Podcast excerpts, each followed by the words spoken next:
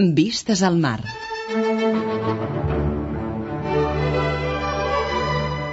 Vistes al mar. Una mirada als nostres músics.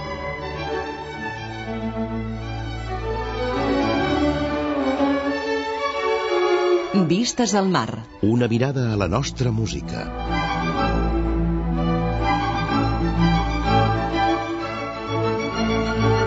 Vistes al mar. La música i els músics que han fet història al nostre país. Vistes al mar. Un programa realitzat i presentat per Xavier Xavarria. Bona nit i benvinguts a una nova edició de Vistes al Mar, el programa que Catalunya Música dedica a la música i als músics del nostre país. Per començar, rebeu una cordial salutació de part de l'equip que fa possible aquest programa, l'Alfred Marín, que controla tota la part tècnica des del control de so, i qui us parla, Xavier Xavarria. Desitgem de tot cor que hagueu passat un feliç dia de Nadal i que tingueu unes bones festes. Avui és el dia idoni i adequat per parlar de la música nadalenca, per parlar de les cançons que acompanyen i fan més entranyables aquests dies de Nadal, les festes, perquè aquestes cançons, simples, senzilles, populars, bellíssimes la majoria, tenen el regust de l'època nadalenca, de la festa, de la celebració, però també l'empremta inconfusible del país, del poble, de la gent que les ha generat. O pot ser només les ha perpetuat i no les ha creat? Avui en parlarem d'això. Parlem d'un patrimoni musical secular, l'origen del qual sovint es perd en la foscor dels temps, però que portem els gens, que tothom coneix i que ens emociona i ens identifica. Avui, efectivament, volem parlar dels usos i costums de la música nadalenca al nostre país. Quines particularitats té la nostra música nadalenca? És diferent a les altres músiques nadalenques, la música de Nadal catalana? Com hem inserit la música i les cançons en aquestes festes? Com hi han arribat? Us celebrem igual que fa segles? Cantem les mateixes cançons que al segle XVIII? Des de quan es canta i com es cantava antigament? Els nostres avantpassats ja celebraven el Nadal amb música i amb cançons, com nosaltres fem, o intentem fer-ho, perquè cada cop cantem menys, també s'ha de dir. Fins i tot pot ser que cantaven més que nosaltres actualment, vaja. De tot això i de moltes més qüestions parlarem avui a Vistes al Mar. I ho farem amb un autèntic especialista, un investigador, un científic de la música tradicional que coneix a fons tota aquesta tradició, és a dir, un etnomusicòleg, el senyor Jaume Ayats. Bona nit, senyor Ayats, i gràcies per haver acceptat la invitació de Catalunya Música. Bona nit i gràcies per convidar-me. No sé si hem llançat ja prou cartes i prou Mare material, Déu, eh? no tindrem prou temps per tractar tant material, potser l'haurem de reduir. Des de quan es canten Nadales a Catalunya? A veure, des de quan se celebra el Nadal cantant? Uh, bé, uh, la història no la, la coneixem tant com per uh, fer grans afirmacions d'èpoques molt antigues. El que queda clar és que ja a l'edat mitjana aquest període que comencen a sorgir uns determinats documents, eh, del món de l'Església ens queden documents de com es feien representacions paralitúrgiques amb una certa dramatització i segurament que molta teatralitat a dins de les esglésies representant escenes vinculades al, a, a Nadal. I una de les potser més fortes és l'anunciació la, als pastors, el Quod Curistis Pastores, que es feia en llatí, i eh, que en tenim documents de les catedrals catalanes que en realitat són molt estàndards eh, amb els documents de moltes altres catedrals de tota la zona llatina i fins i tot centroeuropea. Però això segurament que només és el petit rastre que queda amb els documents d'Església que el que ens notifica és que la gent ja cantava, cantava molt i que devia cantar coses molt diverses que l'Església vegés necessari posar-hi una mena de model de referència i una teatralització ritualitzada precisa. Per tant, segurament que aquella època, i no sabem si abans, ja es cantava molt eh, per Nadal i aquí llavors vol anar molt enrere i vincular-ho amb l'època romana, amb, els, amb els les celebracions de solstici, Ah, del solstici, a, a a l'època eh, que d'aquí vindria la festa Nadal, era la festa romana del solstici d'hivern, i per tant, en definitiva, el cristianisme va aprofitar una festa que ja hi havia, perquè no sabia el dia del naixement eh, de Jesús, i per tant, aprofitant aquesta festa, també va aprofitar-ne tots els sistemes. Sabem que els romans sortien eh, aquest dia als carrers a cantar, a fer desfilades, a fer representacions i a fer unes certes llibertats i gresques molt particulars.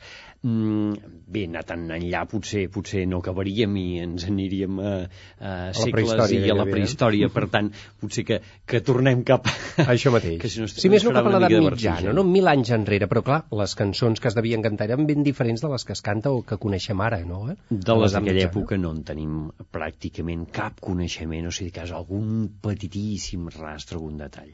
En canvi, a partir dels segles ja 15, 16, 17, comencem a tenir detalls més concrets, a partir del 18-19 molt més concrets, el 19 ja molt concrets, i evidentment, eh, només comptant el 19 i el 20 ja hem fet dos segles, o sigui que els dos darrers segles sí que podem afirmar realment moltes coses. Bàsicament perquè s'escriuen aquestes cançons de Nadal, perquè anteriorment també arribaven escrites, a l'edat mitjana el que es cantava en aquestes representacions dramatitzades dins del temple també estava Les escrit? del temple estaven escrites, però res més, i per tant tenim escrites i documentades un cert model de peces que són molt poques i són molt iguals a tota la zona, almenys a la zona llatina, a la zona romànica, són realment molt iguals. Per tant, de segurament tota l'activitat que, musical cantada que es feia, això segurament que és, és un detall, és un rastre, és una part, la part possiblement més culta, més canònica, eh, més estandarditzada, més correcta fins i tot litúrgicament o paralitúrgicament, i per tant aquí se'ns perd tot allò que segurament seria del nostre interès i apassionament. I què devia ser això a l'edat mitjana, tot el que no ens ha arribat? Eh, aquesta manifestació popular, bàsicament, del, del misteri de Nadal? Jo faria un salt molt més endavant de la mitjana, perquè resulta que ens han arribat detalls, elements, eh, activitats, actituds, fins al segle XIX i fins al XX, eh, que encara avui dia ens sorprenen i que segurament que ens notifiquen eh, com devia ser en segles anteriors, no arribaria potser a l'edat mitjana jo, però sí en segles anteriors a la celebració de Nadal.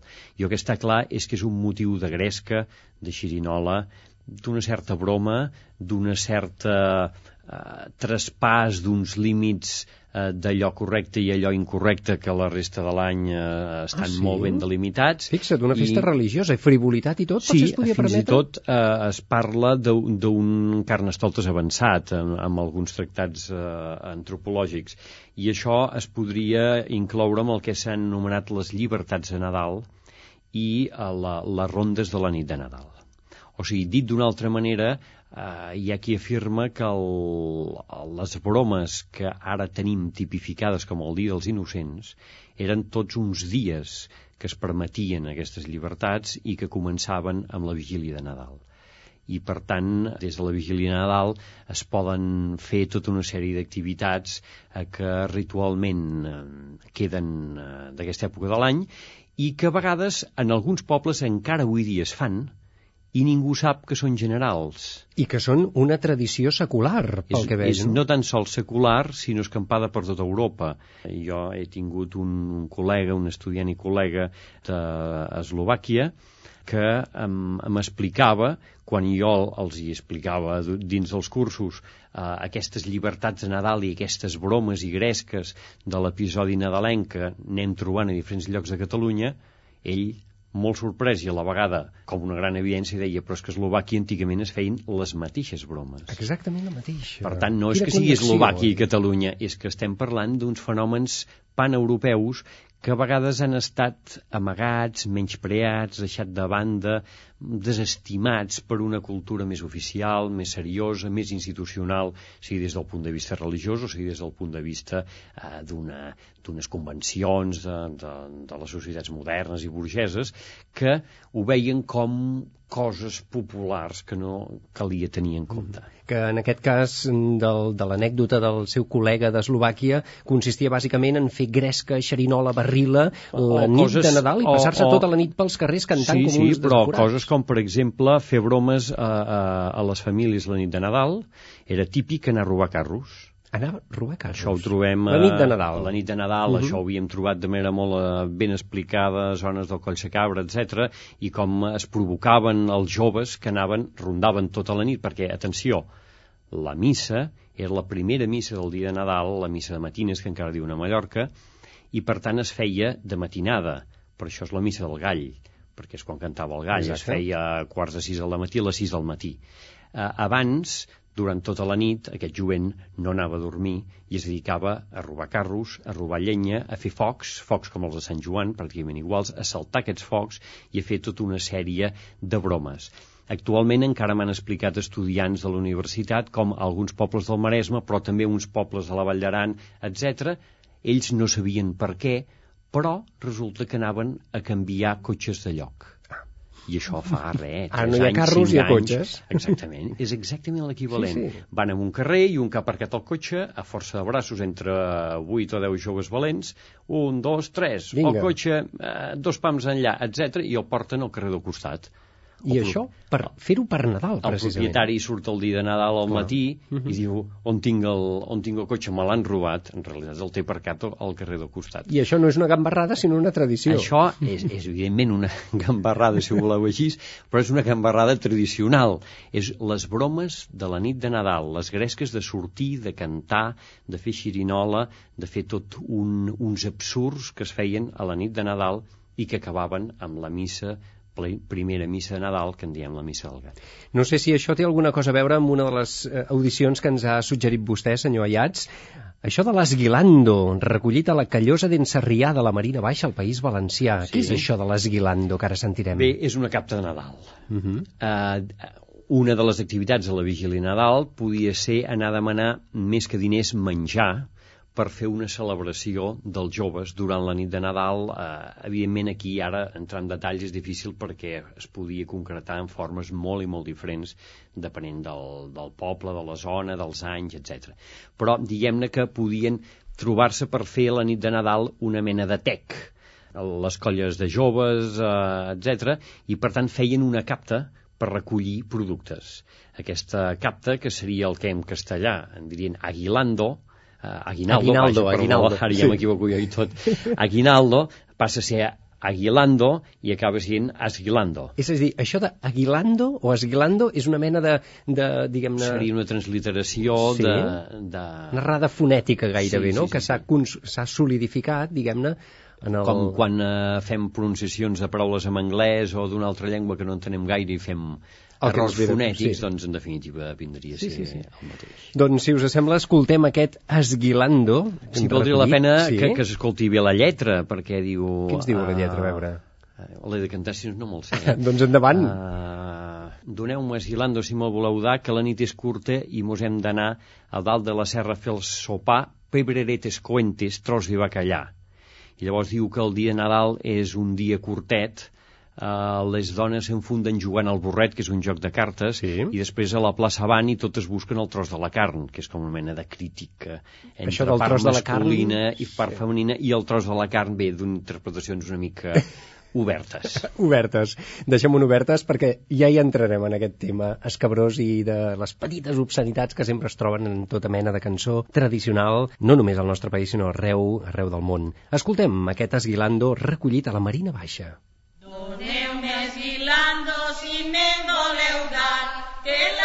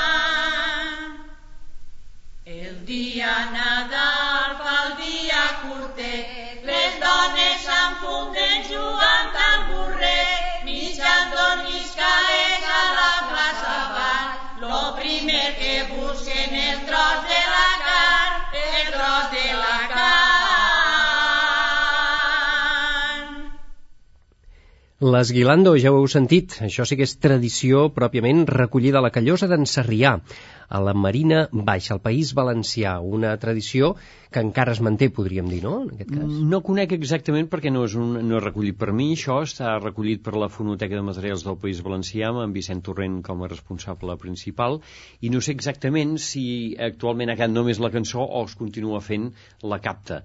Eh, perquè en molts casos aquestes cançons s'han reciclat, que és el típic de la tradició oral. Un objecte que servia per una situació i que amb el temps es va reutilitzant per altres situacions i aquí una de les preguntes que era la creativitat, podríem dir que la creativitat, en realitat, com sap tothom que està creant alguna cosa, és bàsicament amb un, no sé si haguéssim de dir percentatge, amb un 99%, reciclatge adaptat i segurament que una petita part d'aportació de, de, de cosa nova. Uh Mhm. -huh. I per tant és molt típic, i amb, aquesta, amb l'oralitat i amb aquestes cançons de Nadal és típic, que un tema, una cançó, una melodia, un element que funcionava en una època, en un altre entorn, en una altra època, s'aprofita amb el record que se'n té i se l'adapta pel que sigui, per la lletra, per part de la lletra, per la melodia, eh, per una situació nova, etc. I així ens anem trobant que els no tenim un objecte fixat, sinó que van canviant les músiques, van canviant les lletres i tenim una varietat molt pròpia de les persones que l'estan aplicant, que l'estan fent. Per tant, gairebé tants caps, tants barrets en aquest sentit. És a dir, que això gairebé a cada poble probablement es canta diferent i fins i tot a cada època es canta sí. diferent. Probablement això fa 50 anys Quan eh, diferent. trobes una cançó de Nadal que tothom la canta més o menys igual, és que estem senyal. davant d'una difusió ja per uns altres canals propis del segle XX en general. Una mena de cançó fossilitzada, podríem dir? Pot ser fossilitzada, però si la canta tothom, això no vol dir, eh, més aviat, eh, el que hem fet és fixar-la. Fixar-la, i això vol dir que- com un objecte ja tancat, I es talla la seva I evolució i la seva probable adaptació. la transformació formal, la transformació de situacions queda molt més tallada i com més valor se li dona a una cançó, generalment més li passa això. Mentre que quan no se li dona un valor especial, sinó que és un pretext de vida humana, de relacions, de, de vivències, d'intercanvi, etc, acostuma a ser molt més àgil, transformable i molt més viva amb el sentit de, de com es va adaptant. Parlem també d'un altre dels fenòmens que comporta música i que, a més a més, doncs, té una història i una tradició al nostre país, que és el, els pastorets, pròpiament. De fet, també és una dramatització d'una escena concreta del sí, misteri de la diria nativitat. que seria aquesta mateixa eh, petita dramatització medieval que s'ha anat independitzant, ha sortit de l'església, s'ha adaptat i s'ha transformat en una de les representacions del teatre més mitològic en el sentit original, de, de gran mite de la tradició eh, nostra cristiana. Tots els seus personatges, amb tots amb la els personatges, història... que tothom sap què passarà, que no hi ha sorpresa, Mhm. i en canvi tothom pot anar amb absoluta il·lusió i admiració a tornar a reviure aquella història que sap de sempre. Exacte. Eh? I per tant, en definitiva, és més important com la tornes a fer, com l'adaptes, com la, La revius, resitues i revius amb la, amb la, en el present, que no pas explicar-te la història que ja la saps, diguem-ne. Mhm. Uh, excepte els nens petits que la van aprenent tot veient-la. eh, Exacte, sí, eh? sí. I això existeix en totes les tradicions del planeta, pràcticament. En el cas dels pastorets, eh, esclar, és fantàstic. Els pastorets a vegades s'oblida que ha estat la base, entre els pastorets i la passió, ha estat la base de tota la vida teatral del país. I a vegades potser també els valorem poc eh, comparat amb la feina que han fet. Eh, a vegades repasses els actors del teatre lliure, etc determinades èpoques, i vas veient qui surt dels pastorets, qui surt de la passió, de tal poble, de tal altre i tal altre. I per tant, veuríem que és, en definitiva, el, el forn bàsic d'una actitud de, dramàtica de representació del país. Ara bé, hi ha uns pastorets determinats que agafen altres vies i entre aquestes altres vies hi ha vies musicals i per tant que hi ha pastorets que són com un musical, hi ha pastorets que són gairebé com una òpera i hi ha altres que passen no a dins del teatre sinó pels carrers del, del poble. Em sembla que aquí hem proposat, un, n'hem proposat uns de pastorets que realment té el nom de pastorets però que mm, pràcticament no es fa la representació sinó que són del poble de Mutxamel, eh, molt a prop d'Alacant, al nord d'Alacant, Mhm. a la vila, que hauríem de dir perquè ja és força gran Mutxamel, eh, i van pels carrers del poble vestits de pastorets amb unes rondalles d'instruments, etc, cantant el que podríem dir-ne corrandes, gloses, eh, quartetes més o menys improvisades que citen algunes de les històriques per posar-ne textos també nous. I aquí es fa la sàtira del poble.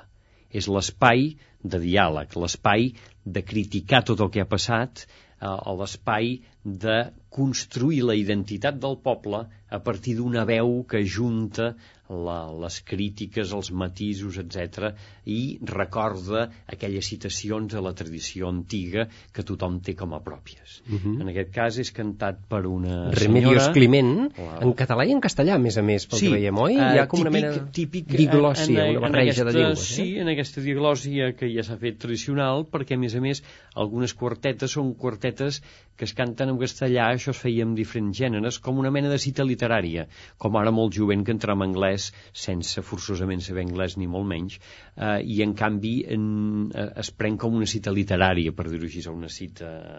I llavors es barreja català i castellà, es barregen expressions molt diverses, i eh, potser encara més espectacular és la barreja de temàtiques. Poden passar d'una temàtica completament religiosa eh, o de lluança a una temàtica molt satírica o crítica amb algun element del poble o amb temàtiques de vertent eròtic, provocatiu, eh, fins i tot una mica irreverent. I estan completament barrejades. I això per Nadal, però què té a veure amb els pastorets, això? De fet, és com una mena de...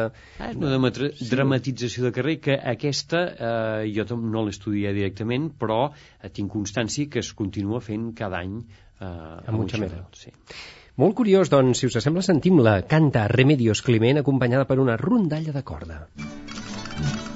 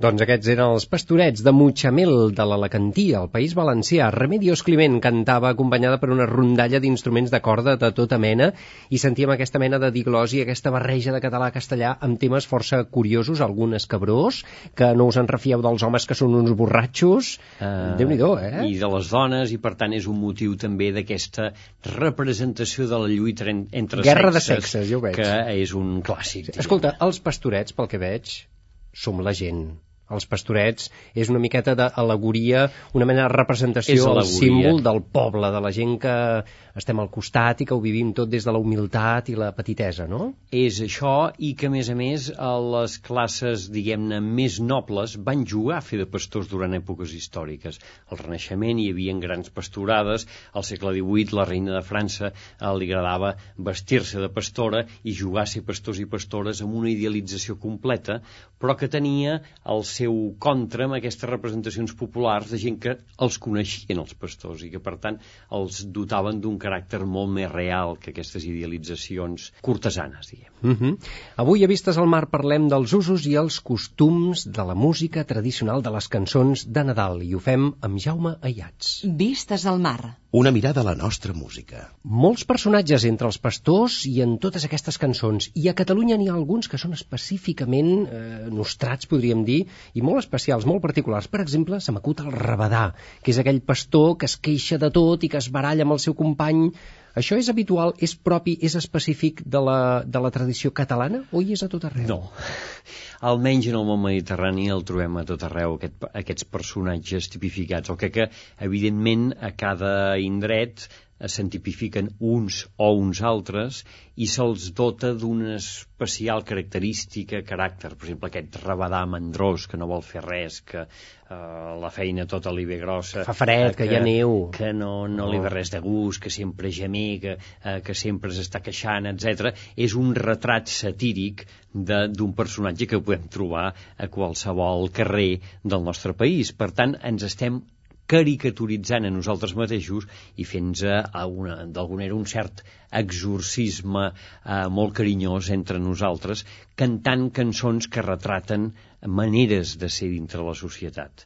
En definitiva, en aquest cas, a la cançó del Rabadà, gairebé el fet del naixement eh, de Jesús és eh, el pretext, l'excusa, és el decorat Mhm. uh -huh. per retratar aquest diàleg entre els dos pastors, el que li il·lusiona una cosa, el que hi vol ser, el que és emprenedor, el que no li valen problemes I- de neu ni de fred ni del que sigui, I que té sentiment de responsabilitat, també, allò, de, ho hem de fer Hem de perquè fer, toca, toca eh, ja i en canvi l'altre que val la pena vols dir, n'hi ha malament com sempre no val la pena i a més a més ho han exagerat i a més a més vols dir que serà així. Eh, ens hi reconeixem tots Sí, sí, amb sí, aquestes dues actituds.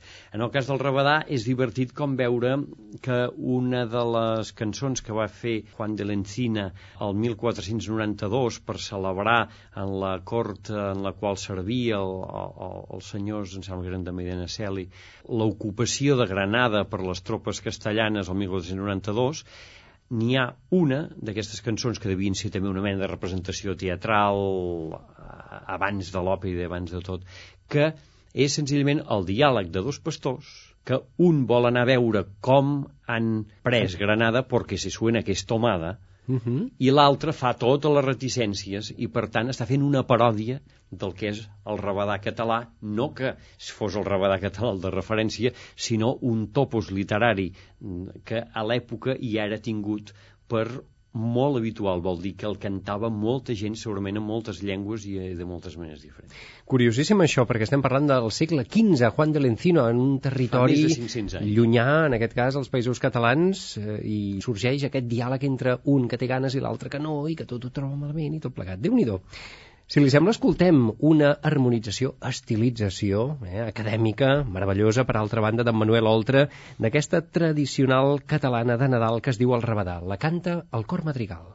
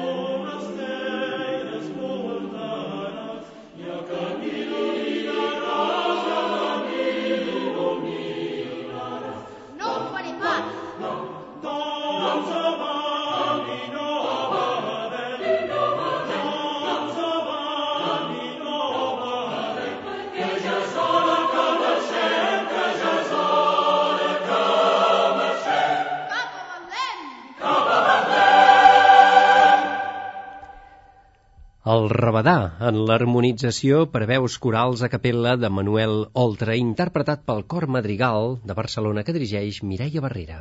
Vistes al mar. Seguim endavant a Vistes al Mar parlant doncs, de totes aquestes cançons de Nadal que tenim actualment, d'on venen, d'on sorgeixen, des de quan es canten, i tots aquests personatges són genuïnament, típicament catalans, o els trobem a tot arreu? Evidentment n'hi ha un, senyor Ayats, que em sembla que hi és a tota la tradició, però a més a més amb un tracte una miqueta degradant, si m'ho permet, en algun cas. El pobre Sant Josep. Sí, eh, bé, una mica Pateix molt, eh, en les cançons, I a la vegada també. molt carinyós. Carinyós, també. Jo diria, Perquè eh, això de sant permet. ve de, de fa un segle, no? No, una mica més, eh? Mhm. Uh -huh. Però eh, s'ha de dir que dintre la tradició catòlica el marit de Maria. de Maria Mhm. eh, no és considerat sant fins a una època relativament moderna. Ara no em voldria equivocar, però diria que almenys des de la consideració popular no comença fins segle XVII enllà i no se senta fins ben bé el XVIII, principis del XIX. Per tant, aquí tenim un personatge carinyós, que més sempre havia estat considerat el vell Josep, l'avi, aquest home gran que es casa amb la noia jove i que resulta que un bon dia es troba que està embarassada i ell, ell sap perfectament que no és obra seva, amb la qual cosa ve un topos literari que l'edat mitjana, a final, al segle XIV, a finals de l'edat mitjana, 14-15, va funcionar força, que és el dubte de Sant Josep. Sant Josep dubta, dubta de la seva dona, dubta això de, Del paper que li toca fer. paper que li toca fer i Perquè, tot clar, plegat. a ell li diuen és que tu seràs el pare de Déu. Exactament. Llavors, per tant, necessita aquest senyal diví que li faci creure que la cosa és estrictament Divina. divina. Exacte. I llavors, per tant, aquí la, què n'ha fet la cultura popular d'això? Bé, la cultura popular, eh, diguem-ne que amb els homes vells que tenen dones joves Sí. i, i afavorides, eh, sempre n'ha fet un determinat eh, alegria i escàndol. I amb el personatge de Sant Josep va aprofitar aquests topos que ja existien. Per tant, Sant Josep molt sovint és el vell que no s'assabenta de res, és el vell molt innocent, és el pobret Josep, o en alguns casos que han anat desapareixent de les cançons però que Romeu i Figueres especifica que en època antiga, als segles XIV, XV existien, és fins i tot el cornut Josep. Eh, Ara, sense ficar-nos amb el pobre Sant Josep, eh, evidentment hi ha una tradició antiga que el tractava així i que en els segles més recents, diguem-ne que s'ha hagut d'anar netejant Suavitzant una miqueta la que, imatge, oi? I que, per tant, s'han anat substituint cançons d'aquestes i hi ha hagut un treball institucional per substituir-les. Tot i així, amb algunes cançons encara hi trobem aquest to eh, alegroi, divertit, carinyós, etc del vell Josep. Una miqueta irònic, segons com, eh? A, a vegades molt irònic i a vegades molt carinyós, també. No, no, una cosa no treu l'altra. Eh? I, per tant, eh, és interessant buscar-les perquè, malgrat que s'han potser mantingut una mica tapades, dintre l'oralitat no tan controlada per les institucions, n'hi han hagut d'aquestes cançons. Una d'aquestes cançons, Sant Josep apareix fent les tasques que en aquella època eren estrictament habituals de les dones. Fer Exactament. bugada, fer el pa, remenar l'ulleta, Sant Josep fa bugada. Està tan content que fa la bugada, fa el pa, remena l'olla, fa etc etc i per tant la cultura popular aquí eh, aprofita per presentar uns dels jocs típics d'aquestes representacions nadalenques o nadalenques i d'aquestes gresques, que és buscar absurds, situacions còmiques, situacions de contradicció conceptual i que Josep és un dels eh, privilegiats que, en aquestes situacions. Si us sembla, escoltem Sant Josep fa bugada, aquesta cançó tradicional catalana. Ara la sentirem en l'harmonització que en va fer Josep Cribiller i Bargalló i interpretada per la Polifònica de Porreig.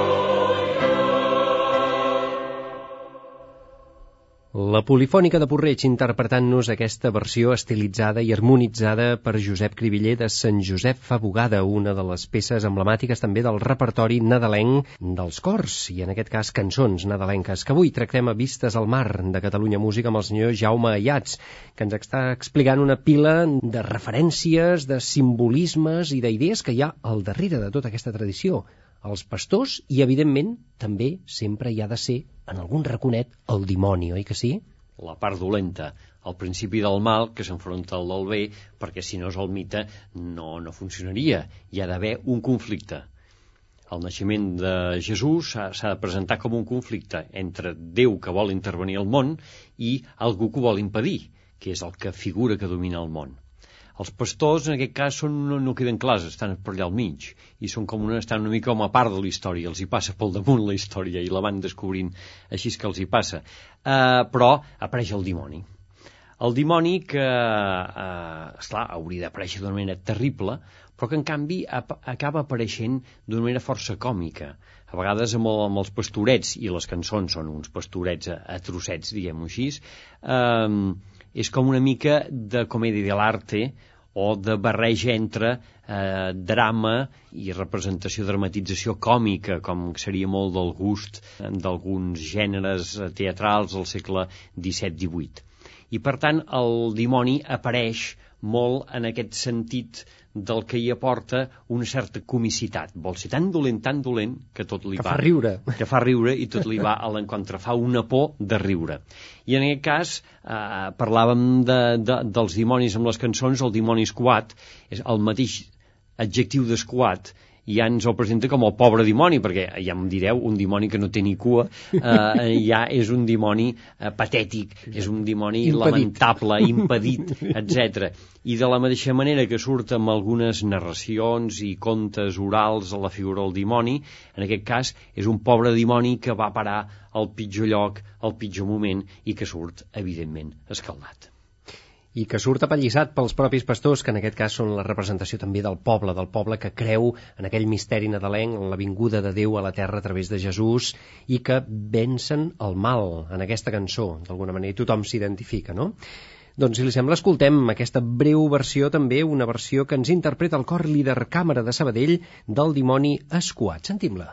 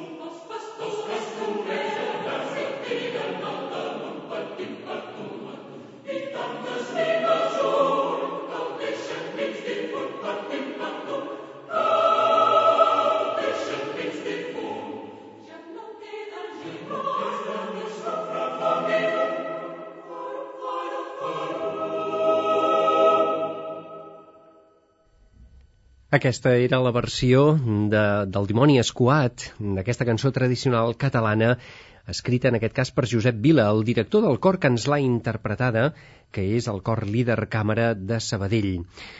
Cançons de gresca, d'absurd, de mentides fins i tot, que també protagonitzen el repertori nadalenc, oi que sí? N'hi ha molts exemples. Sí, dintre d'aquestes bromes de Nadal, una del, dels elements típics eren els absurds i les mentides explicar amb una cançó una sèrie d'absurds.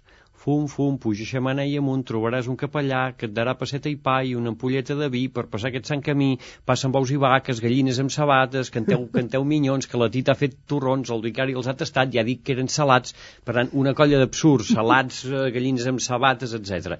Eren uns dels divertiments de l'època, sobretot de caire pels nens, pels joves, etc. Buscar eh, absurds que despertissin la imaginació amb coses inaudites.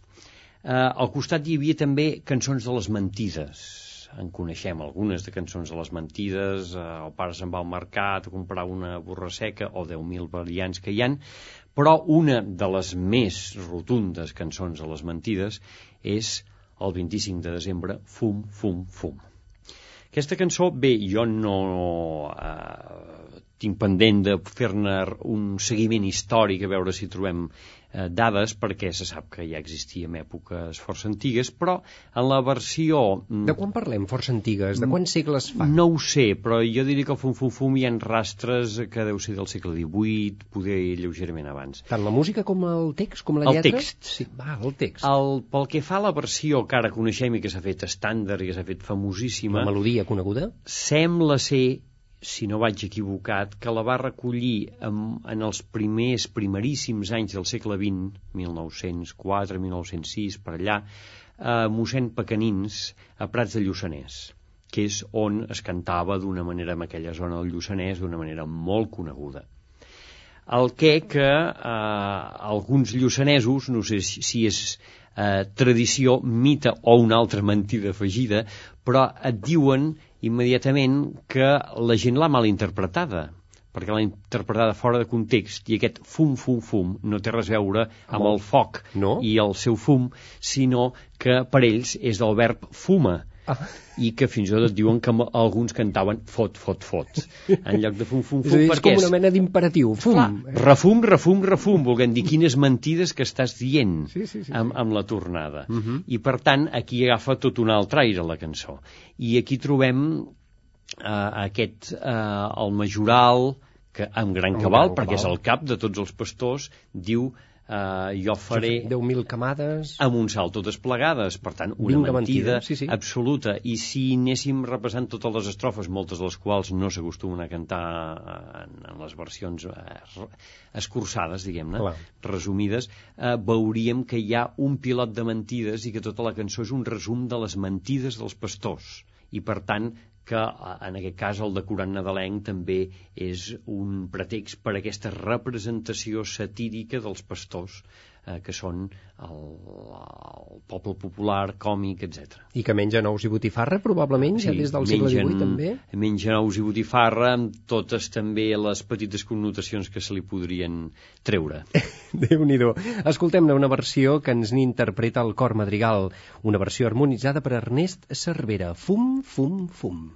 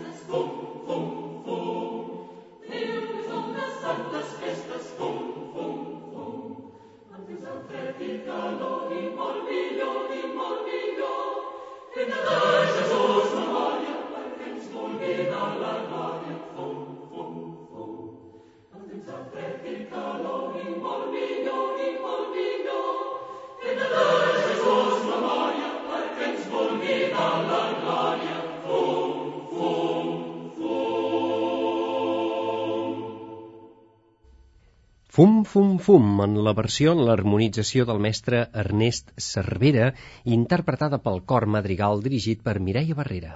Vistes al mar. Una mirada a la nostra música. Vistes al mar avui, dia de Nadal, parlant precisament dels usos, dels costums i de tota la tradició de la cançó nadalenca als països catalans amb el senyor Jaume Ayats, etnomusicòleg, que també ens vol parlar de les cançons més picants, atrevides i verdes, fins i tot en el repertori nadalenc, senyor Ayats. Sí, Ai, ai, ai. existien i precisament a la labor institucional de la producció d'església, del control dels textos i a la vegada també des d'un món més ja urbà i modern també de control d'una certa moral o posició de decència que en definitiva és força més moderna que no pas el, el, el, el, valor que li donaven els pagesos i la gent de, de camp i de marina, etc en altres eh, èpoques històriques. Eh, aquesta, aquestes cançons han anat quedant tapades, substituïdes, adulcorades o senzillament malenteses. Gairebé la majoria de les que ens queden és perquè era prou ambigua l'explicació, la, la interpretació de la cançó, eh, que han quedat, com diguem-ne, fossilitzats o arqueològicament eh, tapats elements d'aquest erotisme que és ben cert que en època antiga es trobava molt més. I parlem de tradició nadalenca, per tant, misteri, religió, Sí, etc. perquè eh, ara actualment tenim una idea de la religió completament diferent de la que tenien els nostres avantpassats. Nosaltres tenim una idea d'una religió seriosa, d'una religió amb un comportament eh, que no preveu la gresca, no preveu la popularització i, sobretot, ha esclòs completament la corporalitat del món religiós. Els nostres van passats al segle XVI, XVII, XVIII, no ho entenien de cap de les maneres així. Eh, trobem, per exemple, com m'explicava un meu col·lega de la Universitat Autònoma fa res dos dies, eh, com en el que és una representació del dia de Sant Esteve, de la lapidació de Sant Esteve, que es feia eh, cap al segle XVI a la catedral de Girona, doncs eh, hi havia una batalla amb una mena de pedres fetes de farina a dins de la catedral per lapidar Sant Esteve, que hi participava tot el poble, amb corredisses, crits, cants i farina repartida A per dojo. tot arreu, a dojo. Ai, ai, ai. Mm, eh, trobem encara a Mallorca que la Sibila, fins a principis del segle XX, amb moltes vegades, o algunes vegades, acabava amb disturbis, amb gresca, i tenim un cas de l'església de Muro, 1911, que ha d'intervenir la Guàrdia Civil per posar ordre durant el cant de la Sibila. Durant el cant de la Sibila. Durant el cant de la Sibila. Esclar, això ens sembla que estem parlant d'una altra dimensió, d'un altre país. Doncs no, és el nostre país. Però si la Sibila ve a anunciar la fi dels temps i, Sí, i l'apocalipsi Però absoluta la Sibila i resulta el judici final. que hi havia gent del públic que mentre cantava li responien. Hi havia els escolans que eh, eh, esperaven la coca que ella, en època antiga, havia de tallar amb l'espasa a l'acabar la representació i es havia d'endur. I, a més a més, tallava els fils de les neules que pe penjaven, encara pengen, ara són de paper, llavors eren de pasta, eh, al sostre de les, a la volta de les esglésies, a Mallorca i a Catalunya també n'hi havia hagut, i aquestes neules caien a terra I vinga. i la gent s'hi tirava al damunt per menjar-se-les. Esclar, això és un model de religiositat que a nosaltres ens semblaria absolutament injustificable. I, en canvi, és, és el que existia. Una anècdota. Uh, Maria Aguiló, cap a la segona meitat del segle XIX, explica d'una església de Barcelona que en les llibertats d'orga, per tant, de música, de fer la música que es vulgui, de la nit de Nadal, els músics, en el moment de l'elevació, de la consagració de la missa, toquen el, libià, el libiamo De la de la Traviata. traviata, que és el cant, diguem-ne, més pervertidor de l'època. Enmig I el toquen durant la consagració aixecant el pa i el vi, Molt una més cosa que ara sagrat. no ens atreviríem de cap de les més. Sacrilegi, Barcelona, ara, eh? segona meitat del segle XIX. Per tant, la concepció del que és religiós, del que es feia i del que no, aquestes pràctiques populars, eh, són realment molt canviants durant la història i ara ens costa d'imaginar determinats comportaments. A més a més, hi ha algunes cançons que tenen lletres, diguem-ne, que han estat, diguem-ne, censurades, que han hagut de canviar Sant Josep i la Mare de de Déu, per exemple, que hi ha versions sí. que no són tan adulcorades. Us en portava aquí una versió apareguda al cançoner del Calic de principis del segle, eh, del segle XX, en el qual hi ha una cançó que aparentment no té significat, però vosaltres ja eh, direu a veure per què es cantava. Una cançó de Nadal que diu Sant Josep i la Mare de Déu van a fer una passejada. Quan n'avanci mig camí, senten cantar la cigala, cigarusic, sic, sic, sic, sic, cigarusic. Cigala, si vols callar, si no et tiro una pedrada. La cigala ho ha sentit, a cantar se n'és posada. Sant Josep se n'ha enfadat, li ha tirat una pedrada a la tocada del cap del bec i també del cap de l'ala. La cigala no té cura. Sant Josep se l'ha menjada. La cuiten a la paella amb un tall de cansalada i també amb un parell d'ous i una grossa botifarra el que vulgui que em faci la interpretació, però eh, jo que estic acostumat a vegades a veure pagesos que quan comencen a cantar un pobre pagès tenia una filla, tenia 15 anys i encara no fila, i immediatament es posen a riure pel significat d'aquests versos, entenc que no és la mateixa interpretació que a vegades se'n fa des de les sales de concerts o des de la lectura culta. Per tant, aquest pobre pagès que tenia una filla que no filava pot tenir a veure amb la Mare de Déu o algú per l'estil? Bé, eh, la continuació és que la nit de Nadal és una nit d'alegria i la filla se'n surt a passejar i troba, dona un tom per vila i troba uns joves i comencen una conversa alegòrica sobre un tros de roba que té cal teixidor i quantes canes en fa aquesta roba, si és més llarga o és més curta, fins on arribarà, què en podran fer, etc. Déu-n'hi-do, quins eufemismes. Si li sembla, escoltem, per anar acabant ja, El petit bailet, una cançó que també té molt de nadalenc, amb, aquest, amb aquesta tornada xerrampim, xerrampia, i harmonitzada en aquesta ocasió per Manuel Oltra. Ens la canta la Polifònica de Porreig.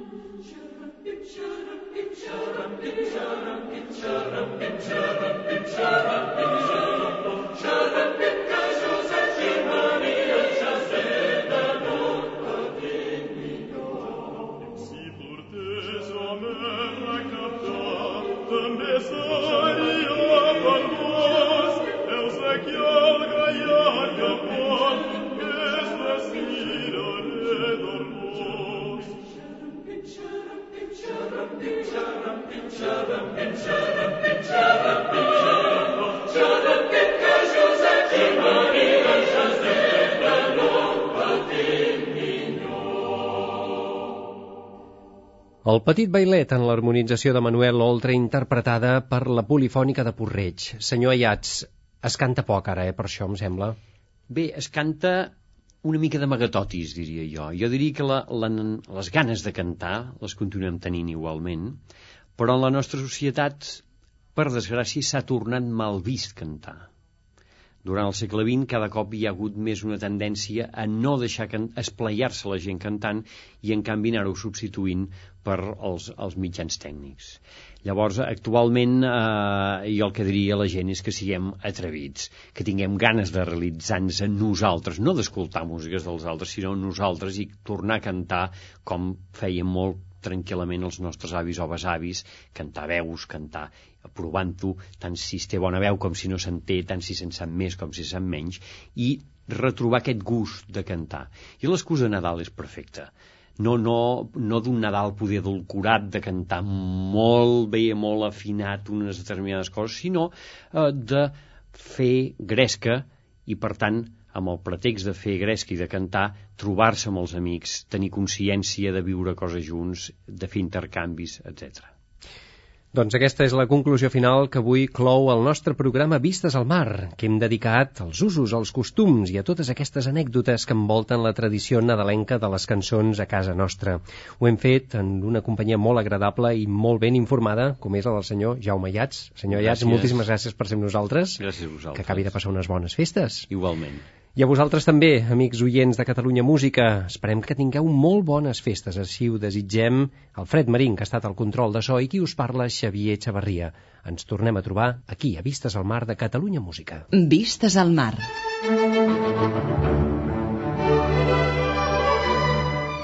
Vistes al mar. Una mirada als nostres músics.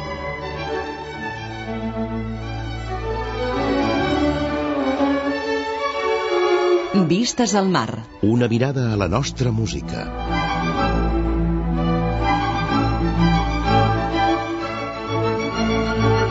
Vistes al mar. La música i els músics que han fet història al nostre país. Vistes al mar. Un programa realitzat i presentat per Xavier Xavarria.